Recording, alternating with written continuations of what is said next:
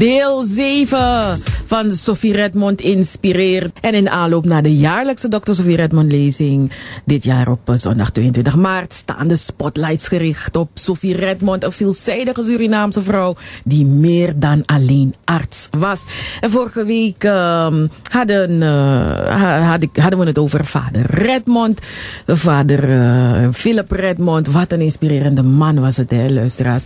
En vandaag gaan we gewoon vrolijk verder. het gezin Redmond bestond uit vader, moeder en hun twee dochters, Sophie en Joosje. Um, en uh, Joosje heette eigenlijk Wilhelmina Josefina Charlotte Redmond. Iets hadden veel namen. Nou, Wilhelmina Josefina Charlotte Redmond, geboren een jaar na Sophie Redmond. En zij is geboren um, in 1908 en ze overleed in 1946. Ze was nog maar 38 jaartjes jong. Ai boy. Joosje Redmond heeft net als haar zus Sophie uh, Redmond op de Van Siepenstein school uh, en de Hendrikschool gezeten. En in 1925 behaalde zij haar MULO-diploma aan de Hendrikschool. En daarna volgde zij handelsonderwijs. In uh, 1929 behaalde zij haar getuigschrift voor schoonschrijven. En ik dacht, maar dat is een schoonschrijven, ze appenbelekkie, no? nee, nee, nee, maar uh, ja, schoonschrijven. En na haar benoeming tot, uh, uh, jong, ik, ik zie van die moeilijke woorden, luisteraars. Neemt u mij niet kwalijk als ik ze niet goed uitspreek. Maar na haar benoeming tot... Dat kan woord is, joh. Even, ik, ik ga even, even voorbereiden erop. Surnumerair, ja, dat is het woord. Ik, en ik heb nog nooit van dit woord gehoord, luisteren, maar zo leer je toch. Uh, dus ze werd jeugdig ambtenaar, uh, ging ze werken bij de griffie van het kantongerecht in Paramaribo. Dus al die tijd heeft ze dan lekker gewoond in Paramaribo. En doe Esani.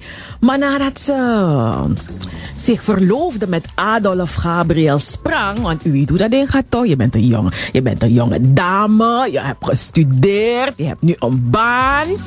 Dus dan komt er dan zo'n jonge man in je leven. En dan word je verliefd. Ja, ja, krijg je vlinders in je buik. En voordat je het weet ben je verloofd. dus uh, nadat ze verloofd, zich verloofd had met Adolf Gabriel Sprang verhuisde zij en haar, haar Adolf. Ben Adolf, luisteraars. Maar goed, verhuisden ze naar Salem in het district Coroni. En uh, Joosje en Adolf trouwden op 9 januari 1935 in de Wanika-kerk in Paramaribo. En de huwelijksreceptie was in haar ouderlijk huis aan de Steenbakkersgracht. Hè, tegenwoordig de Dr. Sofie Redmondstraat, maar toen was het nog de Steenbakkersgracht. En daarna vertrok het echtpaar weer naar Coroni.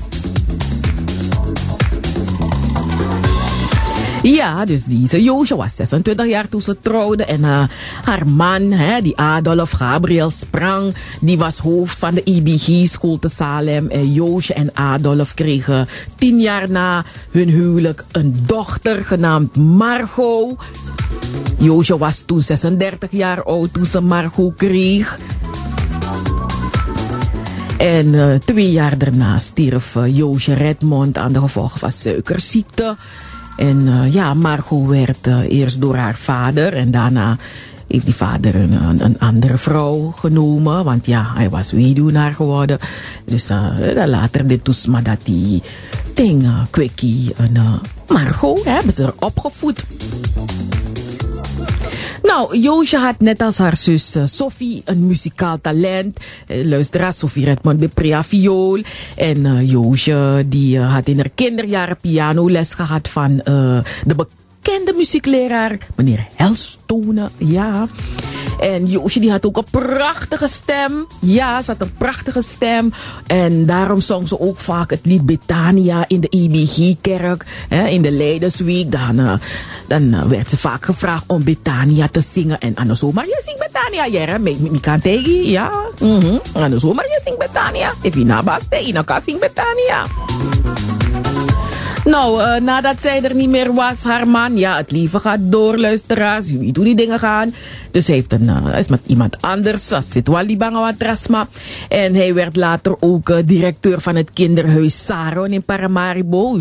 U weet toch Saron, en, uh, Saron die bakka, Saron, Saron, Saron, Saron. Ja, daar een, het is niet echt Abrabroiki, maar u, u, weet, u weet waar het is toch, Saronweg. Je hebt ook die kerk daar, de Saronkerk staat ernaast. Hoe heet die straat nou weer? Ay, ik zie die straat zo, hè, luisteraars. Dus, I guess me shen so, mami, no, ma fadon tapaning.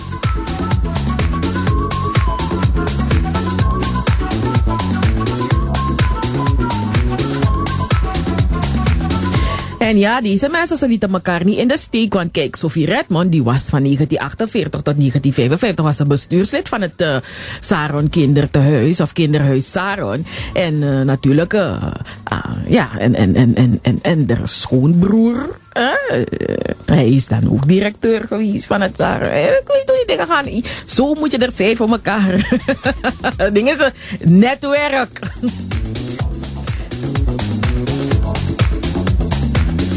Maar dat was uh, ja, het, uh, een beetje zo uh, in een nutshell het verhaal van de zus van Sophie Redmond, Joosje.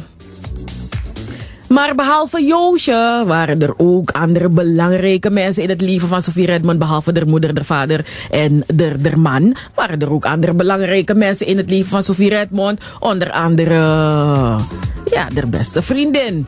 Maar voordat we naar die beste vriendin gaan, uh, ja, natuurlijk, wie waren de vrienden van Sophie Redmond en, en, en, en van de familie? Nou, tot de, vrienden, tot de vriendenkring van de kinderen Redmond behoorden mensen uit de Creoolse bovenklasse. Uh, deze vriendenkring bestond overwegend uit kinderen van de vrienden van vader Redmond. En vader Redmond en bijvoorbeeld vader Polane zaten samen in het Ernutter-comité Suriname. En zo raakten hun kinderen bevriend met elkaar. Uh, en Esseline Juliette Polane, zij was eerst uh, vriendin, vriendin van Joosje. En, uh, want kijk, zij en Joosje waren even oud en ze zaten in dezelfde klas op de Hendrikschool. Maar op een gegeven moment begon Esseline op te trekken met Sophie. En werden die twee dan nu beste vriendinnen.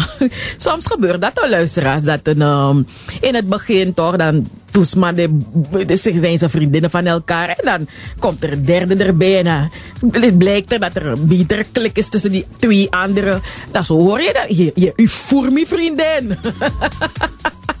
ja, ik, uh, ik, ik weet hoe die dingen gaan luisteren. Als ik voor wat toesma vriendin toe. Ach ja, dat kan gebeuren toch? Ja. Zo heb ik uh, Mattie van me. Nee, nee, nee, nee, nee, ik zeg niks. ik zeg niks. We gaan door met een uh, Sophie Redmond. Hé, hey, fakka. Hé, hey, pokkes, pokkes. Laat me niet in de steekers. Ja. Uh, ik word toch zo blij als ik het over Sophie heb. Heerlijk is dat, hè? Um, maar goed, dus een, uh, Esseline Polano werd toen BFF met uh, Sophie Redmond.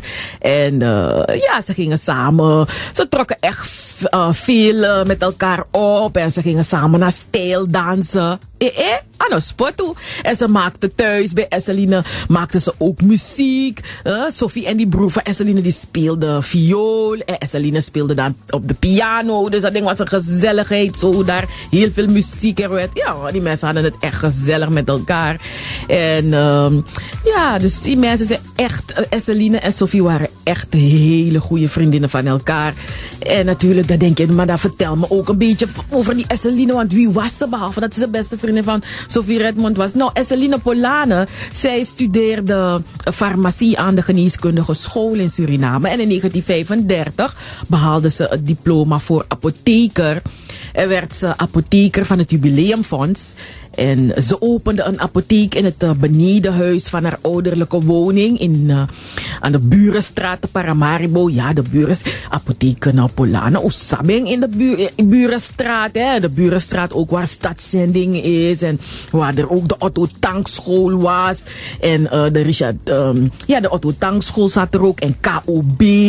En ook nog een Koert is ook in die straat. Ja, de Burenstraat, uh, Oesabi Burenstraat, ja toch? En ik weet nog dat toen ik op de lagere school zat, daar de Otto Tangschool. En daarna dan gingen we altijd vragen om een glaasje water. Gingen we bij de apotheek om een glaasje water te vragen. We helemaal geen dorst, maar gewoon zoals ik bij kan go in een apotheek. We gaan zoeken, Sani. Kinderen, wij hinderlijk, hè? maar uh, dat is toch. En dan, als je dan over de geschiedenis leest dan van deze apotheek, waar je als. Ik als kind in ging een beetje om te spelen eigenlijk. Want het was voor mij, het rook altijd lekker in de apotheek. Dat, dat vond ik heerlijk. En er was ook airco. Maar dan als ik dan nu, met die kennis die ik nu heb, hè, als kind had ik dat dan niet. Maar dat Esseline Polane, dat zij dat is gestart daar in uh, de ouderlijke woning. Ik vind dat geweldig, luisteraars. Echt waar. Uh, verder over Esseline. In 1944 vertrok ze naar Amerika om verder te studeren. En daar haalde ze het diploma voor opticien. Want in 1944, uh, in die tijd, was er nog geen opticien in Suriname. En het, het, was niet mogelijk om glazen te slijpen. Dus dat nog bij Denini Sernang ete. Dus if je bent brillen, dat duurde het omelange Fossi ibe kan kisa bril. Want dan moest het, het moest naar het buitenland. Die, dus die brilrecepten moesten in het buitenland worden klaargemaakt. Dus het duurde erg lang. Dus, hm, dus je moest liever niet wachten totdat je bijna niets zag. Want anders had je een probleem. Um, maar goed, dus het is eigenlijk dankzij een uh, Esseline Polane ook, hè, dat, dat dingen uh, ja, die vrouw heeft echt veel gedaan. Ja, vrouw, echte jaja vrouw toe maar. Jaja oma toe. Maar goed, dus uh, zij heeft dan die opleiding gedaan in Amerika. En uh, ja, toen ze terug was in Suriname, opende zij een, een optiekzaak. Echt vind die vrouw geweldig, man. Esselina Polane werd later ook bestuurslid van het kindertehuis Saron. Daar gaan we weer met Saron. En ze was ook uh, bestuurslid van uh, uh, het Cultureel Centrum Suriname, de CCS. En ze was ook lid van de Zor Optimisten. En um, zij nam ook een initiatief, het initiatief om SOS Kindertehuizen in Suriname op te zetten. Op 22 februari 1972 werd de stichting SOS Kinderdorpen Suriname op haar initiatief opgericht. En op 22 februari 1977 werd het SOS Kinderdorp bestaande uit vijf gezinshuizen geopend. En Esseline Polane is nooit gehuwd geweest en ze had geen kinderen.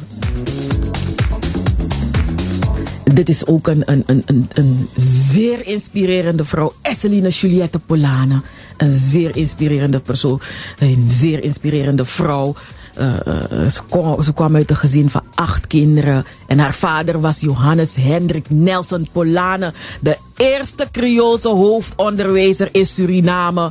En uh, Esseline Polane werd geboren op 12 uh, september 1909. En ze overleed op 8 december 2014 op 94-jarige leeftijd. Dames en heren, tot zover Sophie inspireert. En alle informatie die u hoort uh, hier bij Double 7 FM uh, komt tot u mede door het, het, het, proefschrift dat dokter Sylvia Kortram uh, ja, want als zij het onderzoek niet had gedaan naar Sophie Redmond, dan hadden wij deze informatie niet zo op deze manier voor u.